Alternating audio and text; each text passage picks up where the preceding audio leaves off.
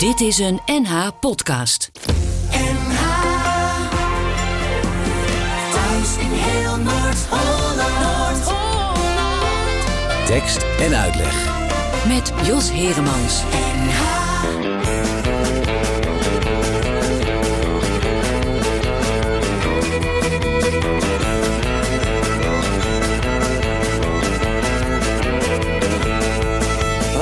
Wat is de wereld veranderd?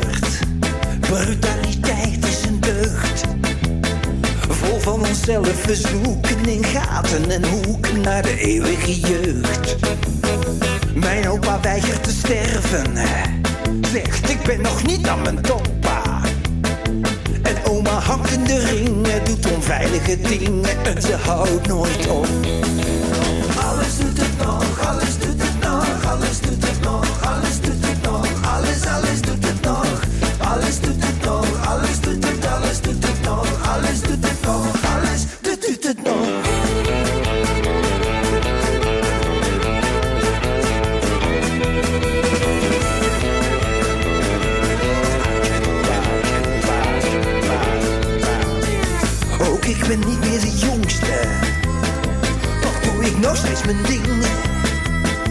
Kijk hoe ik speel met een bandje in hetzelfde tentje. En ik bas en ik zing. Want alles doet het nog, alles doet het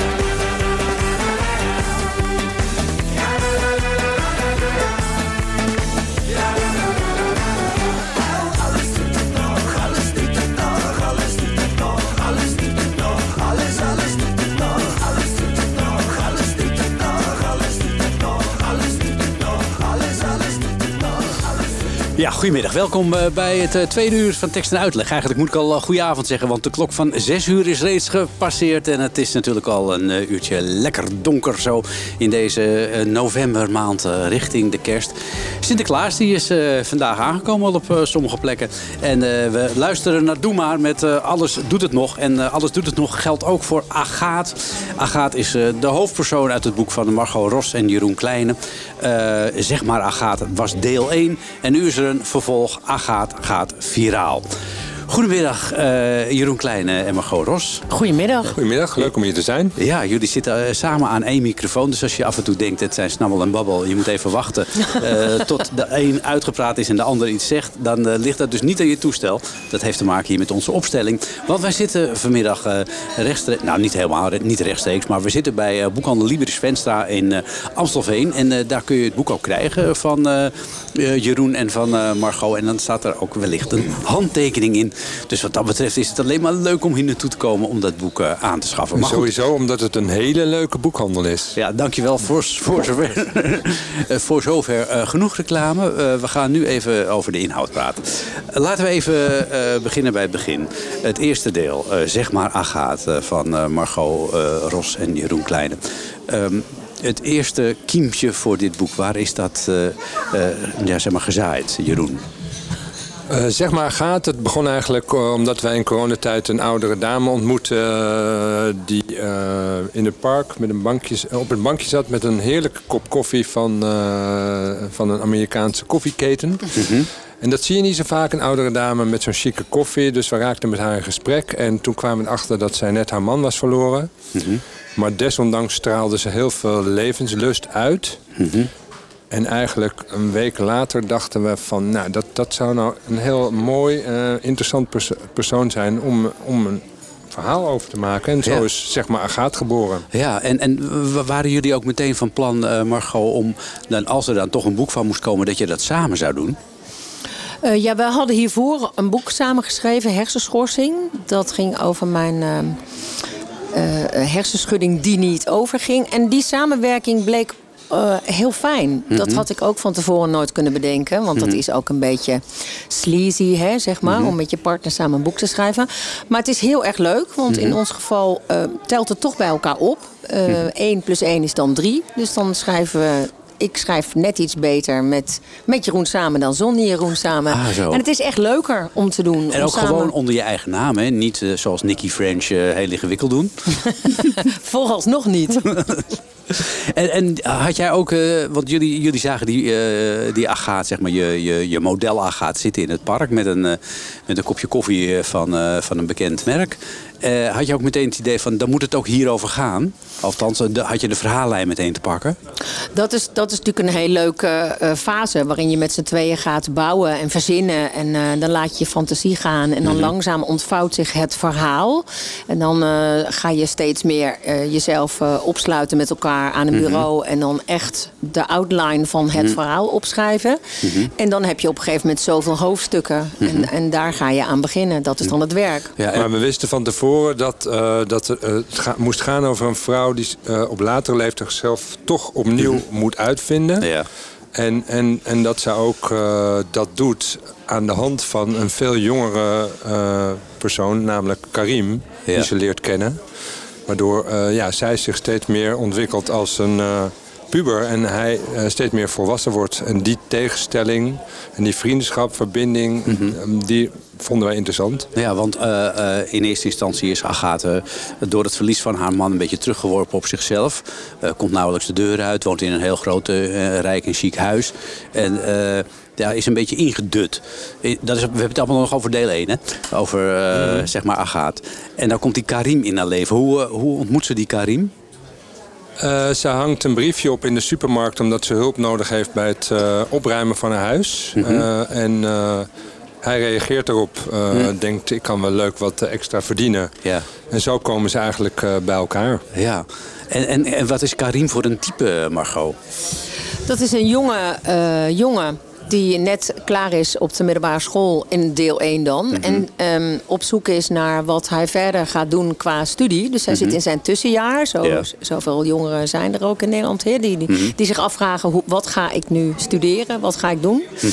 En ondertussen verdient hij geld omdat hij een reis wil gaan maken. En dan ontmoet hij eh Agaat. Ja, Agathe en eh, Karim eh, ja, die, die, die, ontdekken heel veel dingen. Althans, Agathe ontdekt vooral heel veel dingen door Karim. Eh, Netflix bijvoorbeeld. Eh, allerlei andere dingen. Want eh Agathe is, een- is een beetje archaïsch type, om het zo maar eens te zeggen. Kunnen we het toch wel zeggen? Ja, voor een deel is dat zo. Zij is wel van goede kom af. Ja, omdat ze heel lang in het buitenland heeft gewoond... weet ze ook niet alles wat er in modern Nederland eh, zich afspeelt.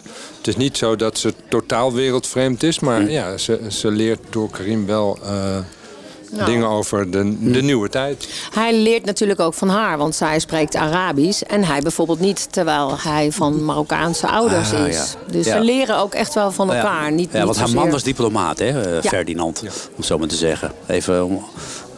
om- Toch? Eh, He- eh, Henry. Henry, oh, ja, dat is Henry. Nee, nee, Ik dacht, wat bedoel je nou? Nee, Ik Ferdinand. even, ja. Nee, ik, had- ik Ferdinand had, komt wel voor in Ja, boek, Ferdinand is klopt. een Ja, ander personage. Ja, ik eh, Ja. moet niet alles door elkaar gaan Maakt halen, inderdaad. Dan, nou ja, dan eh, loopt er ook nog een andere lijn. De grote liefde van eh eh Agathe uit haar jeugd, Jeppe.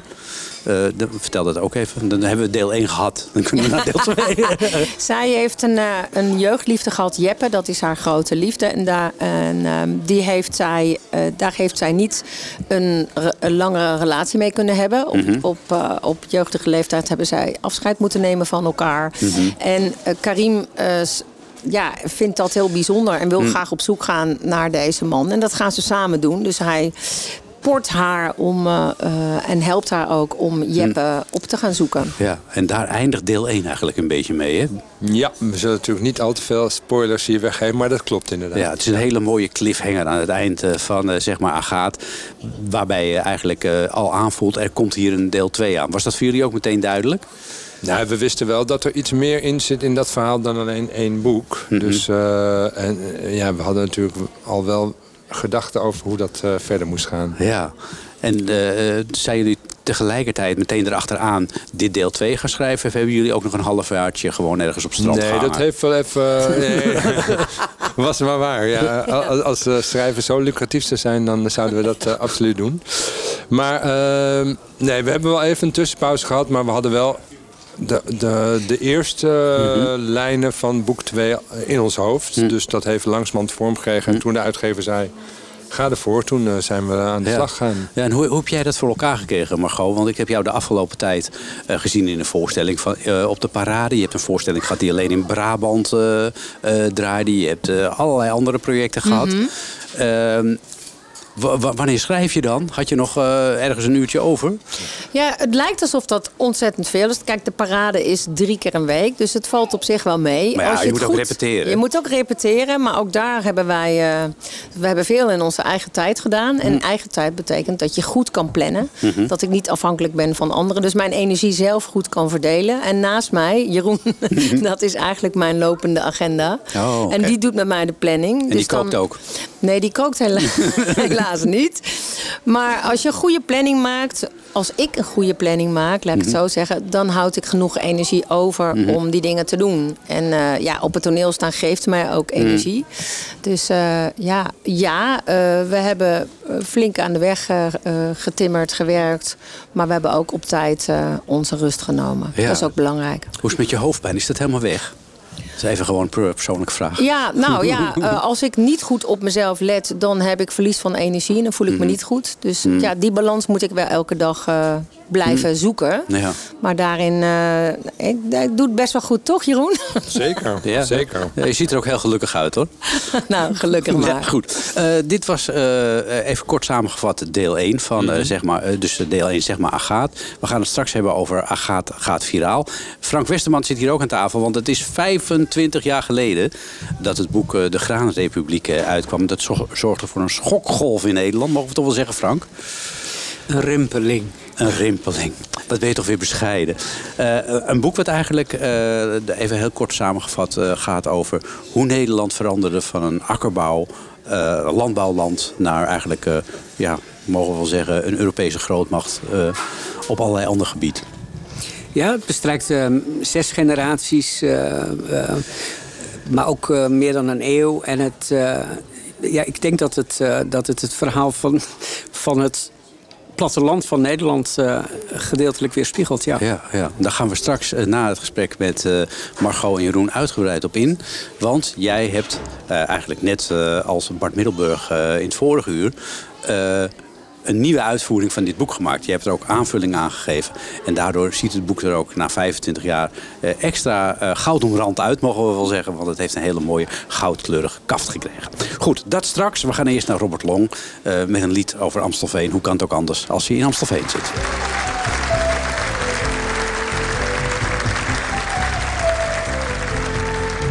Ze is al oud, ze woont alleen. En er is niemand die in het weekend op bezoek komt. Haar zoon niet meer, haar dochter niet. Het lijkt alsof de eenzaamheid uit elke hoek komt. Nooit eens een kaart, nooit meer een brief. Nooit eens een stem die zegt wat vind ik je toch lief. Ze heeft een flat in Amstelveen. De stilte fluistert om haar heen. Arm is ze.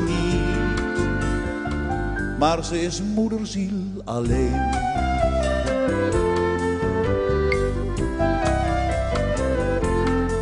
De telefoon rinkelt niet meer. Ze zou niet weten wie ze nog zou moeten bellen. Haar man is dood, al 18 jaar. Er is geen mens die haar nog iets heeft te vertellen. Nooit een gesprek, nooit meer een lach. Ze kijkt tv een groot deel van de dag. Ze is niet meer zo goed ter been. De dagen rijgen zich aan één arm is ze niet. Maar zo verschrikkelijk alleen.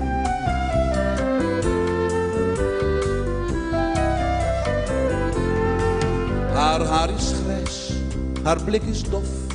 Ze strompelt langzaam van de keuken naar de suite. Ze drinkt haar thee voor de tv. Geen klein kind kwam er ooit bij oma op visite. Eens in de maand, de pedicure. Maar die is ook alweer vertrokken aan uur.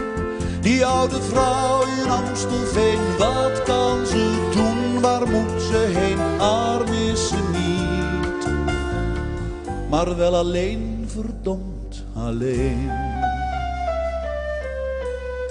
En dat is logisch, want het was altijd een takkenwijf. Zo hard en koud en ongevoelig als beton. Zo kijk maar uit, want anders zet ze je de kakkenwijf. Die haar echtgenoot kleineerde en haar kinderen frustreerde. En de boel terroriseerde waar ze kon. Zo'n wijf dat elke week al vier keer bij de kapper zat. En die haar kinderen naar kostschool had gestuurd. Die voor een ander nooit manipuleerde, personeel bespioneerde. Oh, die teef terroriseerde heel de buurt. En nu is ze aan het einde van haar leven. Opgebrand en uitgeluld, eigen schuld, dikke bult. Want het is altijd een takkenwijf gebleven.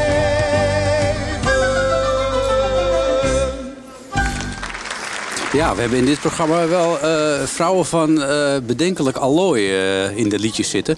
En in sowieso in het programma wat we hadden. Ineens in het eerste uur Janne de Leugenaarster. En nu het uh, Takkenwijf het Amstelveen van Robert Lang. Long. Dus laten we het even eh, gaan veranderen. Laten we gaan naar Agaat. Want Agaat is ja, de hoofdpersoon in het boek, in het boek Agaat gaat viraal van Margot Ros en Jeroen Kleine. En Agaat is een keurige, nette dame die misschien wel een beetje te veel drinkt. Maar voor de rest eh, eigenlijk, eh, ja, mogen we wel zeggen, een dame van stand in Amsterdam. Zuid, denk ik, eh, Frank? Of, wat zeg ik nou? Wij keken, wij keken even ja, om. bij de andere Alsof kant. daar een Frank achter ons stond. Ja, Eh, ja, ze woont in Amsterdam-Zuid. Het Ja, is een nette, eh, nette dame, maar het is ook iemand eh, die geen blad voor de mond neemt. Nee. En dat vinden wij natuurlijk heel leuk. En ze heeft een ironie.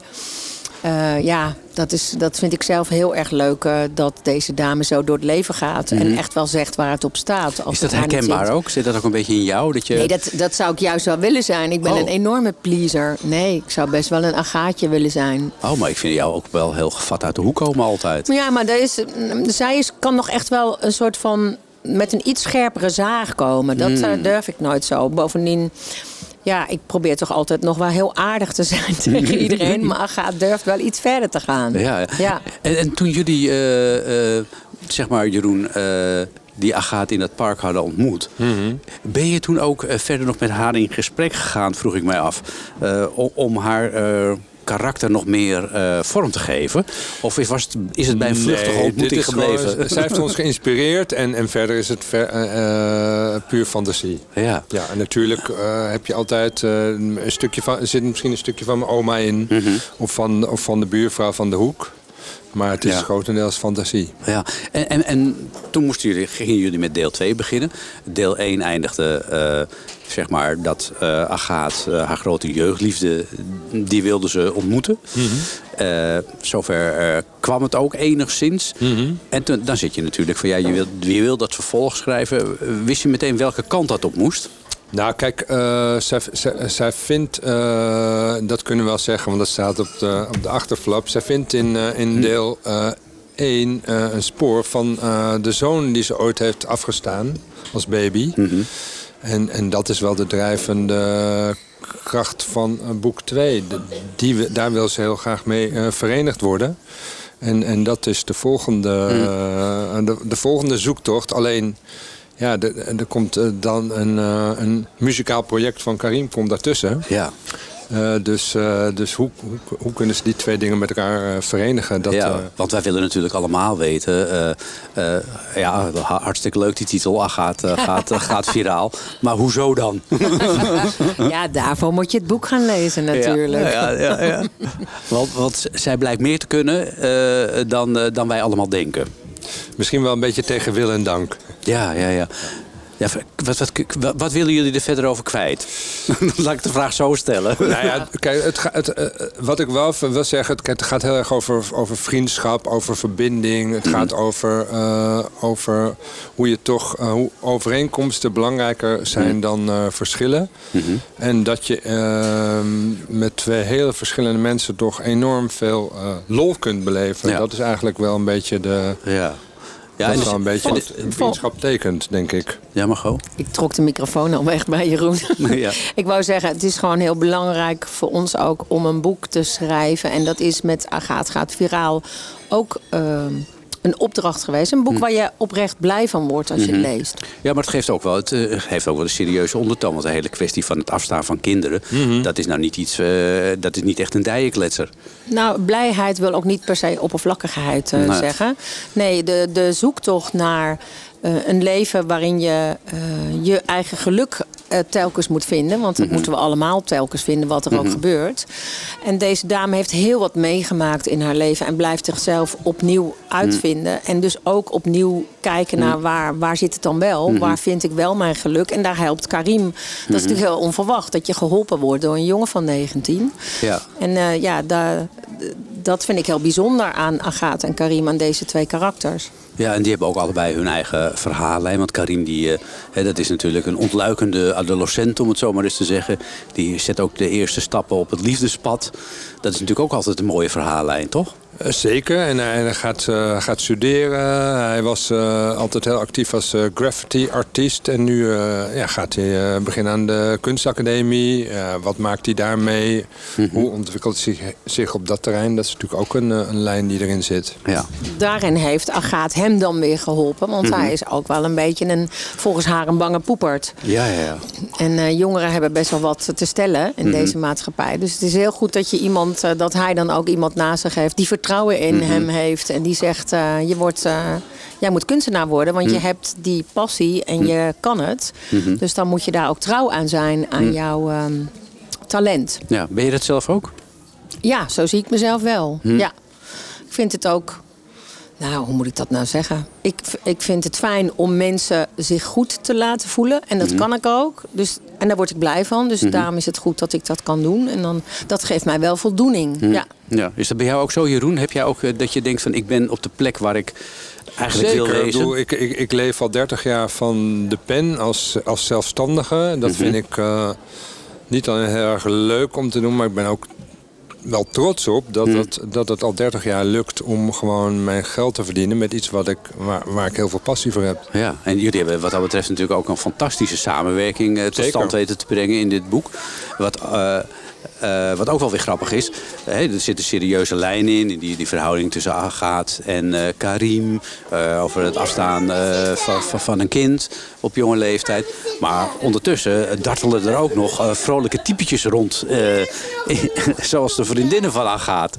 Ja, dat is natuurlijk heel dankbaar om dat op te mogen schrijven. Eh, Ja, het bloed kruipt eh, waar het niet gaan kan. Dus ik wil ook af en toe wel mezelf verblijden met eh, gekke types eh, Ja. om Agaat heen. En eh, overigens schrijft Jeroen daar ook voor. Dus eh, eh, eh, heerlijke gekke eh, vrouwen eh, eh, kunnen omschrijven die, waar zij, nou ja, die tegen agaat zijn en waar zij tegen kan ageren. Mhm. Ja, En, maar dat eh, wel keurige dametjes zijn die keurigjes feur zeggen in Ja. plaats van voor. daar hebben wij wel erg veel plezier, eh, beleven wij daaraan. Ja. Ja. ja, dan is natuurlijk de grote vraag eh, die we de vorige keer na deel 1 ook al stelden. Eh, wanneer wordt het verfilmd? Eh, nou, da- da- daar, wordt nog steeds, eh, daar wordt nog steeds wel eh, aan gewerkt. Dus ja, wij verwachten daar wel, denk tussen nu en twee, drie maanden meer nieuws over naar buiten te brengen. Oh ja, en is het dan zo dat je deel 1 en deel 2 eh, als aparte delen gaat verfilmen? Of wordt het een hele serie? We willen iets meer informatie natuurlijk, dat snap je. Nou, het, het, eh, kijk, het schrijven van een boek duurt al lang, maar het maken van televisie of film duurt nog langer. De, Ja. de, voor, eh, de voorgesprekken daarvan, dat, duurt, dat kan gewoon eindeloos duren, want dan is het niet de tijd. Of dan hebben wij iets bedacht wat langer duurt dan waar op dat moment plaats voor is op televisie.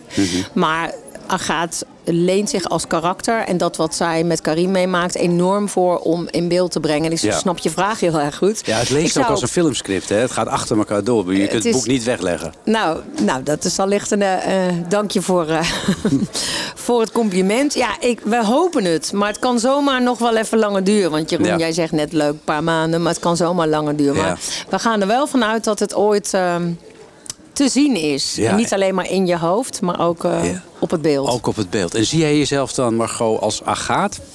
Ik hoop dat het niet zo lang gaat duren dat ik Agaat kan gaan spelen. Want dat duurt nog wel even. Want Agaat is nu inmiddels 79. ik hoop dat ik er... met de huidige schminkmiddelen. Nou, dat, duurt, dat heb je toch wel... Je hebt bij Torres C laten zien dat je moeiteloos omgetoverd kan worden in welk Ja, personage maar dan dat ook. kost wel erg veel geld om dat voor een film te doen. Dus dat denk ik niet. En ehm, nee, maar we hebben genoeg eh, eh, we gave actrices in Nederland die dat wel zouden kunnen. Maar eh, eerlijk is eerlijk, ik ga natuurlijk wel in die serie iets doen. Al was Ja. het maar dat ik even voorbij loop. Oh ja, Anders zo. regisseer ik hem wel, zoiets ja, dergelijks. ja, want dat hebben jullie wel heel knap voor elkaar gekregen, ook in dit boek Agaat gaat viraal. Daar komen jullie zelf ook in voor. Heel kort, maar... Ja, dat klopt. Daar zullen we niet al te veel over eh, zeggen. Maar we, eh, het leek mij wel heel erg grappig om, om een cameo te hebben in het boek. Dus eh, Ja. wij komen als schrijversstel voorbij. in het boek, ja. en niet helemaal in positieve zin. Nee, en als je dat weet te vinden in dat boek, nou, dan moet je dat maar laten weten. Stuur maar een mailtje naar tekst en uitleg het, eh, NH Radio. Dan hebben we, weet je wat ik doe? Als je dat weet te vinden en je, je stuurt dat op, dan, dan, dan krijg je een boek van ons. Van Agaat gaat viraal. Maar moet je het boek heel goed lezen. Het, het is een beetje verscholen. Goed, eh, wat heb ik nu weer beloofd? Maar goed, dit allemaal terzijde. Eh Agaat gaat viraal. Dat is dus eh, Margot Ros en eh, Jeroen Klein. Dank jullie wel. Heel veel plezier ook. We, we kijken er naar uit. We hopen dat die onderhandelingen heel snel gaan. Dat, eh, dat we ook van Agaat kunnen genieten. Op het eh, witte doek of op televisie of waar dan ook. Ja, maar het mooiste is toch in je eigen hoofd met je eigen fantasie. Dat vind ik eigenlijk ook wel. Want Ja. je stelt je er wel van alles bij voor. En hoe Agaat eh, viraal gaat, ja, daarvoor moet je het boek lezen. En dan, eh, dan kom je dat vanzelf tegen. Ik ga nog even vermelden eh, wat de uitgever is. Dat is de Nijg en Van Ditmar. En je kunt het boek overal krijgen. Dus ook bijvoorbeeld hier gewoon bij Liberis Venstra in Amstelveen. En als je het daar koopt, dan staat er een handtekening van Margot en Jeroen in. Nou, dat is toch dubbel zo leuk, zou ik zeggen. Komt allen. Eh, straks gaan we Dankjewel. praten met eh, Frank Westerman over de Graanrepubliek. Een boek dat al 25 jaar veel gelezen en veel verkocht blijft. En waar nu, in, eh, nu een aanvulling zit. En het met een gouden kaft is uitgegeven. Tekst en uitleg.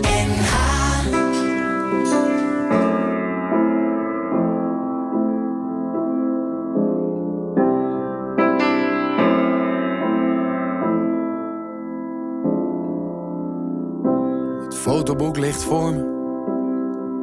Ik kom iedereen weer tegen. Alles netjes en geordend.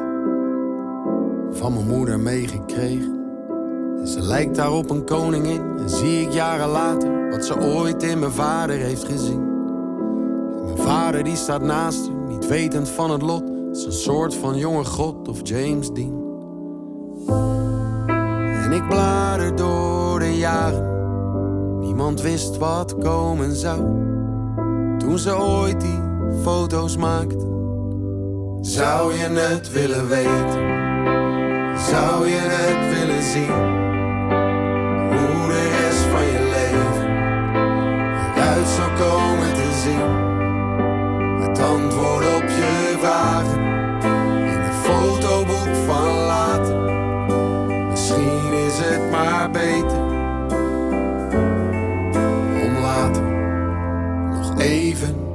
Het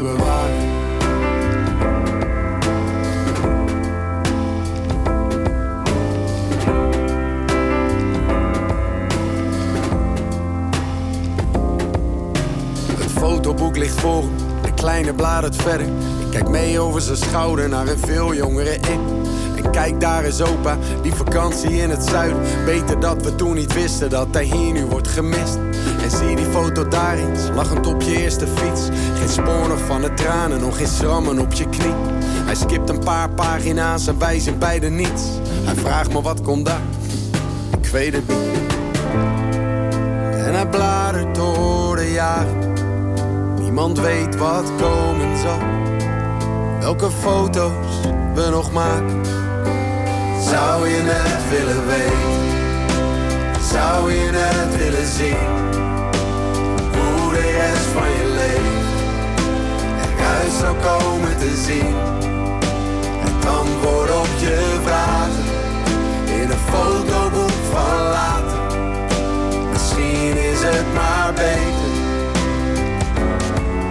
om later nog even te bewaren.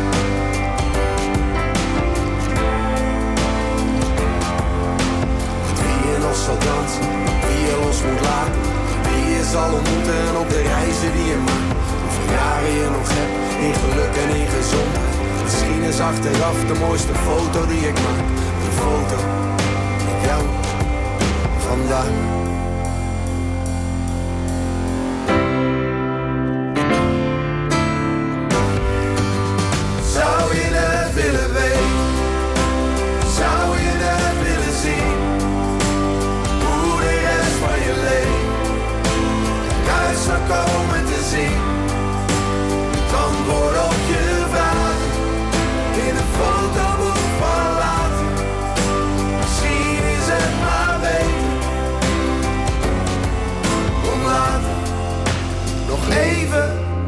Bewaren. Fotoboek van eh, Dickie Dex. Terwijl ondertussen eh, Margot Ros en Jeroen Kleine hier een enorme stapel eh, van Agaat gaat viraal gaan signeren. Dus als je een gesigneerd boek wil, hebben van Agaat gaat viraal... dan moet je dus naar boekhandel Liberis Venstra in Amstelveen op het Stadsplein. En dan, ja, dan heb je dus dat prachtig mooie boek in bezit. Met handtekeningen. We gaan het hebben over de Graanrepubliek van Frank Westerman.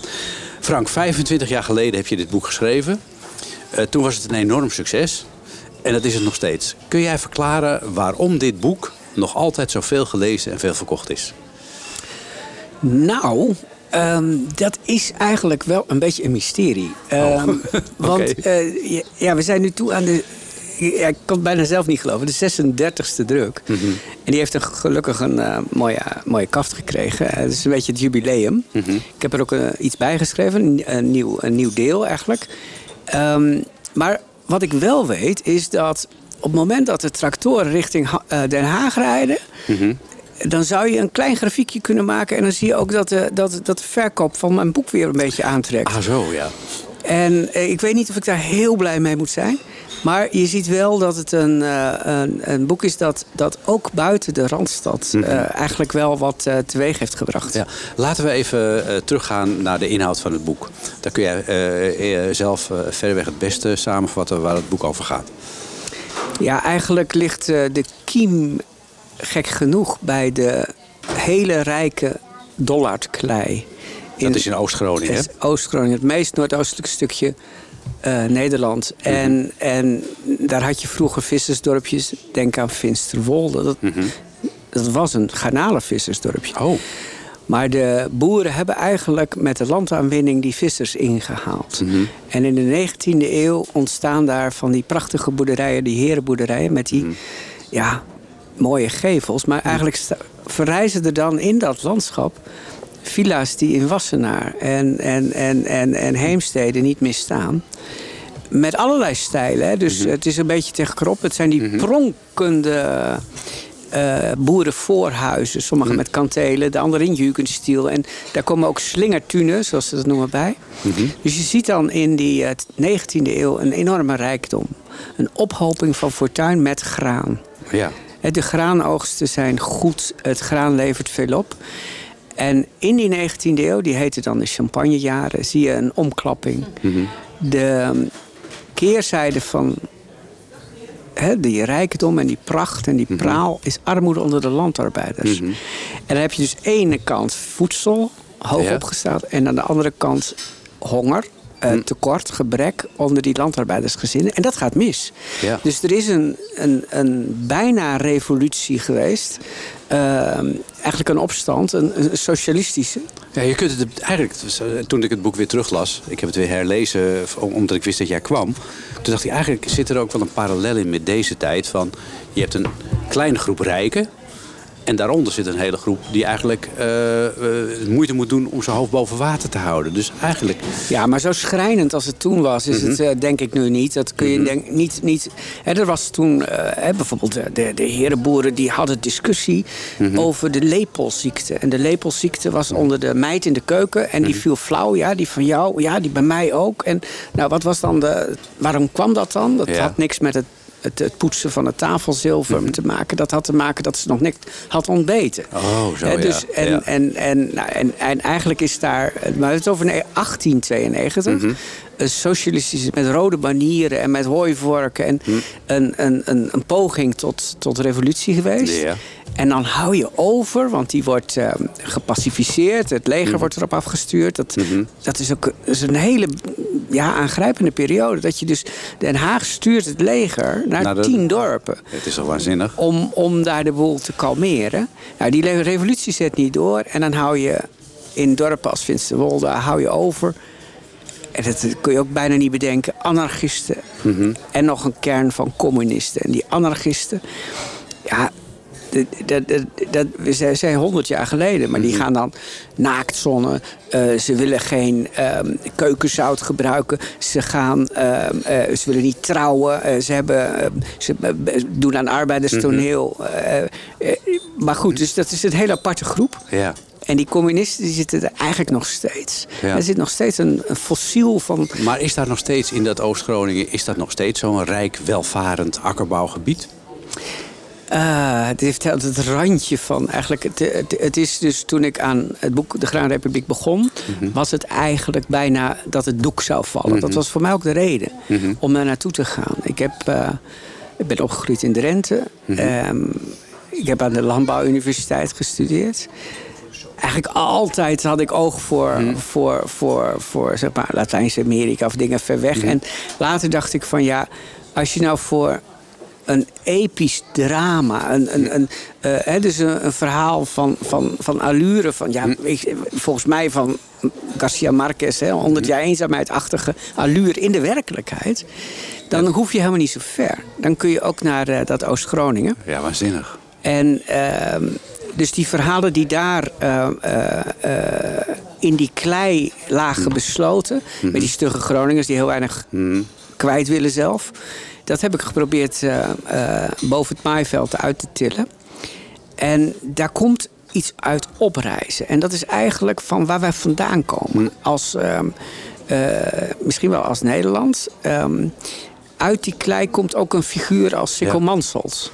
Ja, want dat is ook wel een aparte, hè? Ja, en, dat, en hij was dus, voor de mensen die het niet meer weten... maar eh, eh, 13 jaar minister van Landbouw na de Tweede Wereldoorlog... maar ook 13 jaar Europees commissaris... Ja. van de beginjaren van de Europese eenwording. Ja, en die, hij is ook, van, van, vanuit, eh, even om het Noord-Hollands karakter hier eh, te, te stipuleren, om het zo Ja. maar eens te zeggen. Hij is ook uiteindelijk, in de Wieringenvaart heeft hij in de Tweede Wereldoorlog eh, in het verzet gezeten. Ja, En, en ja, hij heeft dat- daar ook voor gezorgd dat, dat daar is hij weer snel weggegaan na de Tweede Wereldoorlog. Om ja, naar maar Europa dat te is gaan. wel een hele belangrijke en vormende episode geweest. Hè. Zijn grootvader, eh, die komt dan uit dat Groningse, Mhm. Dirk Roels. Die musiceerde met Multatuli, met Eduard Douwes Dekker. Mhm. Die eh, had een boerderij en die, die, die had ook landarbeiders, Mhm. maar daar wilde hij voor zorgen. En hij werd de Rode Herenboer genoemd. Eh, dus de meeste herenboeren waren hè, van het kapitaal en, de, en, en, en bepaalde partij. En zij gingen dan eh, als enigen gingen ze dus eh, so- sociali- op de socialistische tour. Ja, ja. En Mansholt, dus Sikko Mansholt, die is in eh, 1908 geboren, daar in dat Oost-Groningen. Maar die kon boer worden op een gegeven moment in die Wieringenmeer. Hè, de jaren 30, nog voor de afsluitdijk, lag dat droog. En hij kreeg aan de cultuurweg nummer 8 kreeg hij een, eh, een boerderij. Maar hij was wel zo'n herenboer. Hè? Er is een foto van hem, er staat hij zo'n trekkertje aan te zwengelen. En dan heeft hij een hoge hoed op. En dan denk je van, wacht even, hebben we hier nou te maken met een boer? Of is dit een... eh, Herenboer. Een herenboer. Hij liet het werk doen. Hij was wel een boer, maar hij deed niet zo- zo min mogelijk nou, eigenlijk. En dat veranderde natuurlijk wel, want in die, eh, in die jaren dertig... juist die pioniers in de Mhm. Wieringenmeer, die deden het veel zelf. Die hadden wel arbeiders, maar die deden ook veel zelf. Mhm. Dus, dus dat echte het te paard gaan kijken hoe de, de oogst wordt binnengehaald... dat is alleen nog tot halverwege de 20e eeuw in Groningen. Ah, Oké. Maar Ja. hoe- toen, hij eh, eh, Europees commissaris werd, hij is ook Ja. degene geweest van het verdrag van Rome hè, in de tijd. Ja. eh, En eh, hij wilde eigenlijk schaalvergroting. Het moest meer opbrengen en er moest meer omgezet worden. Hij is toch ook een beetje de, de zeg maar, mogen we wel zeggen, de vader van de Boterberg. Ja, en dat is. eh, eh, dus hij komt. Eh, In die, die Tweede Wereldoorlog is echt wat dat betreft cruciaal. Hij zat dus in het verzet. Hij had onderduikers op de boerderij en die, in, in die Wieringermeer. En dan op een gegeven moment, dan, eh, eh, met de bevrijding, dan wordt hij burgemeester. Maar de Wieringermeer is onder water gezet. Dus de, de Duitsers hebben nog, de nazi's hebben nog de, eh, met- eh, in april eh 45 Ja. die hele Wieringermeer is een plas water. Dus hij wordt op het. Hij wordt burgemeester van een plas water van 20.000 hectare. Mhm. Ja. Onder water gezet land. Ja, en dan spijkert hij op de, op, de, op de deur van het gemeentehuis. Alle maatregelen tegen Joden zijn terstond buiten werking gesteld. Mhm. Dat is het eerste wat hij doet. Hè? En dan in naam van de koningin. En die koningin die roept hem eh, twee weken later naar, eh, naar Den Haag. Want hij moet minister worden. Ja. Dus er wordt een kabinet gevormd. En hij wordt dan eigenlijk uit die polder geplukt. En zijn beleid is erop gericht. En ik heb geprobeerd het samen te vatten. Maar het is eigenlijk nooit meer hongerwinter. Dat is wat hij probeert te doen. En lukt hem dat? Je zegt van de vader van de Boterberg. Na acht jaar is de eerste Boterberg. En dus het lukt hem te goed. Het gaat Ja. te hard. Het- er komen overschotten. En iedereen kent het verhaal van eh, graanoverschotten. Maar ook eh, olijfolieplassen. En Want hij gaat op Europese schaal. Mag hij zijn landwirtschaftswoende, noemen ze het in Rusland. Of in eh, Duitsland. Duitsland, Eh, ma- mag hij dat herhalen. En dat lukt hem ook. Ja. Dus je hebt de tomaten die worden doorgedraaid. En, en, en, en, en van, van een heleboel producten lukt het hem om die productie op te voeren. En dan, ja, dan keert er wel het schip en krijgt hij ook spijt. En dan is het een vreselijk tragisch figuur geworden. Eigenlijk wel, ja. We duiken straks wat verder nog in het leven van uh, Sikko Mansholt. Eh, we zitten in een boekwinkel. Daar zijn verschillende genres aan boeken. En laat, laat het nou zo zijn dat er eh, vorige week een hartstikke leuk jeugdboek is uitgekomen. Kinderboek, mag je eigenlijk wel zeggen. Met liedjes erbij. Van Jentel en de Boer. Het heet eh Bubbel Prik. En eh, er zitten zulke leuke liedjes bij. Eh, en eh, daarom denken we van nou, voor de gelegenheid laten we gewoon Hubbel Bubbel Prik horen. De fles met dubbel bubbel prik met extra prik. Die wil ik. Papa heeft hem in het allerhoogste kastje gezet, omdat ik er niet aankomen mag. Hij zegt als je ermee schudt, spuit het eruit als een fontein. Nu wil ik dat al de hele dag. Als ik op een stoel ga staan, dan kan ik er net bij. Dan is al die hubbel met extra prik voor mij. Een slokje nemen wil ik niet, dat smaakt me veel te zoet. Maar als ik hem te pakken heb, laat ik zien hoe het moet. Dan ga ik schudden, schudden. Schudden, schudden, schudden. Schudden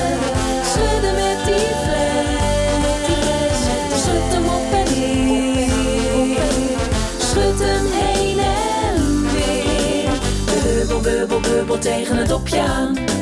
Dus als je hem dan opendraait, schiet het zo naar de maan.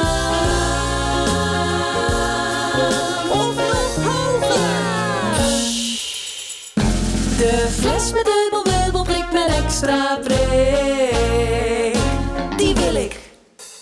Als ik heel goed luister hoor ik dikke tik. De prik die hubbel bubbel tegen het glas. Ik weet die hubbel bubbel wil hetzelfde De wereld ingespoten door het gas. Mama zegt dat alles vies en plakkerig zal zijn. Maar ik wil kijken naar mijn hubbel bubbel fontein. Een slokje nemen wil ik niet, dat smaakt me veel te zoet. Maar als ik hem te pakken heb, laat ik zien hoe het moet. Dan ga ik schudden, schudden. Schudden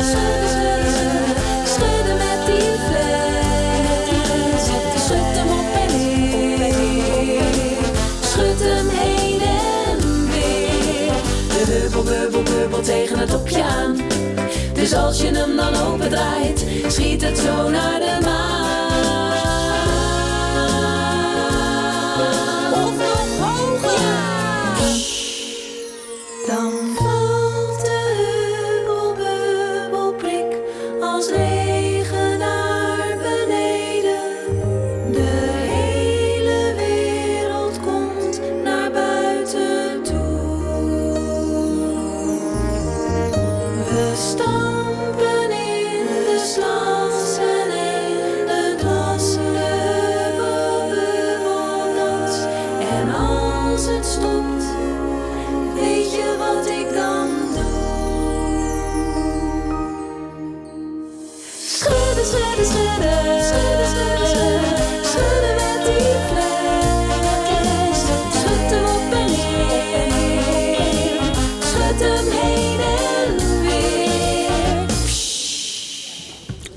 Bubbel, prik. Het eh, nieuwe boek met liedjes van eh, Jentel en de Boer.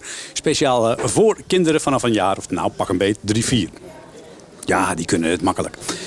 Kinderen van drie, vier jaar zijn nog niet toe aan de Graanrepubliek van Frank Westerman. Dat komt later. Frank, ja, we hadden het net al eventjes over de rol van Sikko Manshol. Die dus vanuit de Wieringer meer werd geplukt. En als Europese commissaris werd neergezet. Om te zorgen dat die landbouw er weer bovenop kwam na de Tweede Wereldoorlog. Eh, maar Jeroen, die, zit hier ondertussen zwaar te signeren. Die vroeg zich af, hoe heeft hij dat voor elkaar gekregen... dat die productie zo snel na die Tweede Wereldoorlog... op dat enorme niveau is gekomen dat we zelfs overschot hadden. Ja, ik heb Sikkel nog gesproken in 1994. En toen, eh, ik, hoorde het hem eigenlijk nog zeggen, een beetje nasaal. Ik kan, het ga het niet nadoen, maar de prijs van een kilo koren pinde ik vast op twee kwartjes. Maar dat betekende dus dat de de, de graanprijs vastgezet werd. En je, ja, elke stad heeft een korenbeurs. Hè. Die, die van, van Arnhem is geloof ik nu een filmhuis. En die van Groningen en Albert Heijn. Maar de korenbeurs, daar zou je denken... daar wordt de, de prijs van het koren bepaald. Ja, net als de bloemenveiling eigenlijk. Nee, net als de bloemenveiling. Maar dat was dus na de Tweede Wereldoorlog Vaste prijzen. Ja, en die, die graanprijs is een spil. En verder kwamen de quota, denk aan suikerbieten. En er, kwam, er kwamen dus allerlei, allerlei mechanismen. Eh, maar die, die, die stabilisering, of die. Eigenlijk, hij haalde de, de angel uit die, uit die vrije markt voor, voor het platteland, voor, de, voor de boerenproductie. Overigens niet voor de tuinbouw en de, en de bloementeelt. Maar goed, dus die, eh, die bulk, hè, dus de, de voedselvoorziening. Het ging om meer. En dat maar betekende, aan. Maar betekende dat ook grotere eh, landoppervlaktes? de- Dat Ja, die kijk, als je het, als je het, als je het, hij, hij, had een, hij, had een, hij had een prachtige gelegenheid om na die Tweede Wereldoorlog in te grijpen op een schaal die ongehoord was. En juist door die Tweede Wereldoorlog, juist omdat we honger hadden geleden in die hongerwinter. En de etenslepers die met de karretjes langs uit Amsterdam de polders introkken om met een paar aardappelen terug te komen. Dat wilden we zo snel mogelijk overkomen. Dus bijvoorbeeld, hij bouwde koelhuizen. Nou, dan blijven de producten langer goed. Hij ging woeker tegen. Er kwam een algemene inspectiedienst. Die is helemaal uitgedijd. dus er kwam, kwam controle. Maar hij wilde ook schaalvergroting. En hij zei specialiseer je. En hij wilde mechaniseren. Hij had eigenlijk wel een visie, als socialist ook, van... Hè, dat klinkt nu heel raar, maar die Sovjet-Unie... daar had je van die golvende velden waar die... maaidors, dus die combines, zeg maar, informatie de boel afgraasden. Ja. Nou, dat wilde hij het liefst Dat zag je ook wel voor zich. Ja. ja. Uiteindelijk heeft hij er later spijt van gekregen. Waarom? Nou, eigenlijk omdat hij inzag dat eh, in die drang naar het opjagen van die voedselproductie de natuur en het milieu eh, eh, waren geofferd. En ehm, de prijs niet van was meeberekend. Dus een van de eersten die dat inzag. En dat kwam op een cruciaal moment. Hij was eh Europees commissaris. Hij werd zelfs voorzitter hè, van de Europese gemeenschap toen nog. Ehm, en hij raakte toen verliefd op de 28-jarige Petra Kelly. Dat was een beleids- beleidsmedewerkster. Later het boegbeeld van de Duitse Grünen in de Bundestag. Maar goed, toen nog niet. En hij las het rapport van de Club van Rome. En de aarde gaat ten onder, niet, ja. niet, niet met een plof, maar zachtjes jankend. Ja. Het is de, de, de, de, de waarschuwing van we, eh, begin jaren 70. Het gaat mis met de grondstoffen. We plegen roofbouw op de planeet. Eigenlijk toen al, hè, wat we nu nog steeds En roepen. toen riep hij bijvoorbeeld ecotax. Moeten we een ecotax? Dat is dat. Dus Ja. we gaan, en dan zijn we dus begin jaren zeventig. Ehm, hij, wilde, ehm, hij wilde eigenlijk het tij keren. Maar hij was toen met. Eigenlijk ging hij toen met pensioen. Ja, ja, jammer eigenlijk. Maar hij was hartstikke verliefd. Uiteindelijk Oh. Ja. eh, heeft hij eh, die vrouw toch aan de kant gezet. Ja, er was druk van de familie. eh, er was ehm, sowieso. Maar. ja, dus. dus Ja, Mansholt is uiteindelijk naar zijn boerderij in Wapserveen. Teruggegaan. zijn vrouw Henny. Daar heb ik hem ook gesproken. Oh. Maar hij bleef het orakel van, eh van eh Wapserveen. Het orakel van Wapserveen. Eh, dat, dat staat allemaal in je boek. Je, dat boek moet je gewoon lezen weer. Eh, zeker in de nieuwe uitvoering. Want, eh, Frank Westerman, jij bent natuurlijk niet de minste. Jij denkt, ik doe er gewoon nog even een hoofdstukje bij. Eh, Ja. Waarom? Na 25 jaar. Nou, ik eh, kreeg de gelegenheid in het eh, programma, boekenprogramma Brommer op Zee... om een oproep te doen aan lezers. En toen vroeg ik van, is er nu een, eh, een he- heel lelijk woord, ik ga het toch gebruiken, een game changer. Is er iets wat, wat alles, alle kaarten opnieuw doet schudden, de Ja. bakens doet verzetten... Ja. waardoor ik eh, genoodzaakt zou moeten zijn om in de pen te klimmen? Kreeg ik vrij veel reacties, vrij veel onzinnige ook, maar ook hele bijzondere. Eentje dat kon ik bijna niet geloven. Dat juist in de Wieringenmeer op het land van Sikkelmanselt... eh, aan die cultuurweg nummer 8 was dat... eh, de boerderij Vletum... dat het land is opgekocht door, Nou, iemand mag raden, Microsoft. je, oh. En daar komt een dus een, een datacenter? datacenter. En dat is bijna, dat is, nou, dat is zo'n omkering. Dat is zo'n omwerking aller werten. Voor, zeker voor iemand als de landbouwhervormer van Europa. Uh, Sikkel Mansell, dat uitgerekend op zijn kavels. Staat Vijf- Google nu. Ja, dat daar dus zo'n da- datacenter komt. Ja, goed, dus dat soort eh, eh, informatie, wat mij betreft, eh, ja, ja, die, die ik eigenlijk niet wil missen, die heb ik nu opgetekend. Ja. En ehm, eh, ja, toen was er een, een gemeentesecretaris in Groningen. En die zei, ik ben halverwege de vertaling van je boek. Vertaling? er is een Duitse vertaling. Maar hij was met, in het Gronings bezig. Oh. En die is nu ook verschenen. En net vorige week. Grand Republiek zonder de. Ja.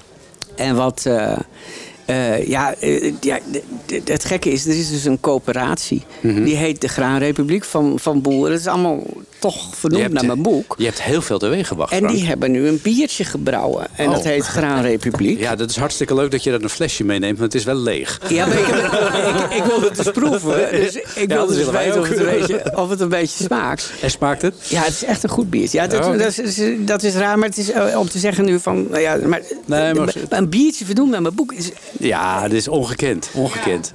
Ehm, we zitten een beetje in een boekenprogramma-sfeer. Daar hoort ook altijd bij dat de schrijver dan een stukje voorleest. Eh, en dat ga je dan doen als je laatste hoofdstuk, hè, denk ik. Ja, dit is erbij gekomen, hè? De dat nieuwe is editie. nieuwe editie. Dus eh, dit is eigenlijk een soort ook reclame om het- de nieuwe editie te kopen. Ga je gang. Ja, een van de reacties was van een boer... die naar Canada was geëmigreerd... en die heel toepasselijk Akkerman heette. Nou, toevallig. En ja. die begon over wat ik eh, nou, gemist had. Het, hij verhaalde van de zeilgekte onder de Groninger herenboer in de jaren 70 en 80. Behalve Sikkelmanselt met zijn tweemaster Atalante... bezat ook vader Akkerman een zeiljacht. Diens buurman kocht er ook een, met een hogere mast. Wie bij Zoutkamp het Lauwersmeer opging, bleef dicht bij de, bij- de dijk. Want het ging de zeilende boeren erom dat je gezien werd. Dit werkte zo aanstekelijk dat de boer bij wie ze 's winters hun jacht stalden... zelf ook een flinke zeilboot aanschafte. Het was een friendship die hij Dick Down doopte. Oh, Gronings voor opscheppen of het breed laten hangen. Aan Dick Down was mijn oog blijven hangen. hangen. Als uiting van dikdoenerij was de zeilgekte onder de herenboeren me hoegenaamd ontgaan. Andere vormen van opzichtig vertoon van rijkdom kende ik wel. Wanneer ik groepjes races rondleidde in het Oldambt... wees ik stevast op de rode beuk op de hoek van elk erf van elke herenboerderij. Die beuk die stond je zacht ruisend toe te fluisteren... dat de eigenaar tenminste 50 hectare bezat. Het sterkste verhaal was tegelijkertijd het meest schrijnende. Ik ving het op in de glasblazerij na afloop van een lezing. Een telg uit een bekend Oldamster herenboerengeslacht verscheen aan mijn signeertafeltje. Het boek had hij al, maar hij kwam me op een omissie wijzen. Zich vooroverbuigend vertelde hij over de behandeling die de schoorsteenveger ten deel viel. Herenboeren uit Oost-Groningen zouden van een schoorsteenveger eisen dat hij, wanneer ze zijn loon kwam vragen omdat de klus geklaard was, zich eerst nog zelf door de roetpijp naar beneden moest laten zakken tot in de haard. Paste hij door het gat, dan had hij zijn werk naar behoren gedaan, kreeg zijn geld en kon gaan. Bleef hij halverwege steken, dan riep de boer zijn collega's uit de buurt bijeen. Een klemzittende schoorsteenveger. Dat was een verzetje. Dat was vermaak. De boer trakteerde zijn gast op een borrel. Hij schonk een paar keer bij, totdat iemand uit het gezelschap opmerkte. Zullen we het er nu maar uithalen? Ja, dat zijn wonderlijke verhalen. Allemaal opgetekend door Frank Westerman in eh, de Graanrepubliek. Met dus eh, dat nieuwe hoofdstuk. En eh, als je toevallig in Noord-Holland woont, maar je hebt Groningse roots. Dan kun je het boek ook nog in het Gronings krijgen. Dus nou ja, genoeg leuks te beleven. Van nou ja, allerlei verhalen van toen en nu. Jij deed 25 jaar nu, Frank, de Graanrepubliek. Dat gaat er 50 verhalen, denk ik. Nou ja, eh, het boek wel, maar nu nog de lezers. Ja, die lezers die houden ook wel vol. En eh, Margot Ros en eh, Jeroen Kleine, we hebben nu Agaat, zeg maar Agaat. We hebben Agaat gaat viraal. Eh, komt er nog een deel 3? Agaat doet banaal, of weet ik veel. Eh, die kans is wel groot. Ja? Ja, dat er nog een derde deel komt. komt en- Maar niet met die titel. Niet meer, ja, dat is jammer. Nou. Nou, nou, Ah, je weet maar nooit, Je weet maar nooit. waar Nou, je ons toe aanzet nu. Nee, precies. Eh, goed, dat gaan we dus allemaal eh, nog meemaken. Eh, dank jullie wel, Margot Ros, Jeroen Kleine, Frank Westerman. Straks na zevenen kun je luisteren naar de NH Radio Muziekmix. En morgenochtend om 8 uur dan zit Nicola Ruijs alweer voor je klaar... met een nieuwe aflevering van De Agenda. Dankjewel. En ik wens je nog een heel gezellige zaterdagavond. Komt goed. Dit was een NH-podcast. Voor meer, ga naar nhradio.nl. nhradio.nl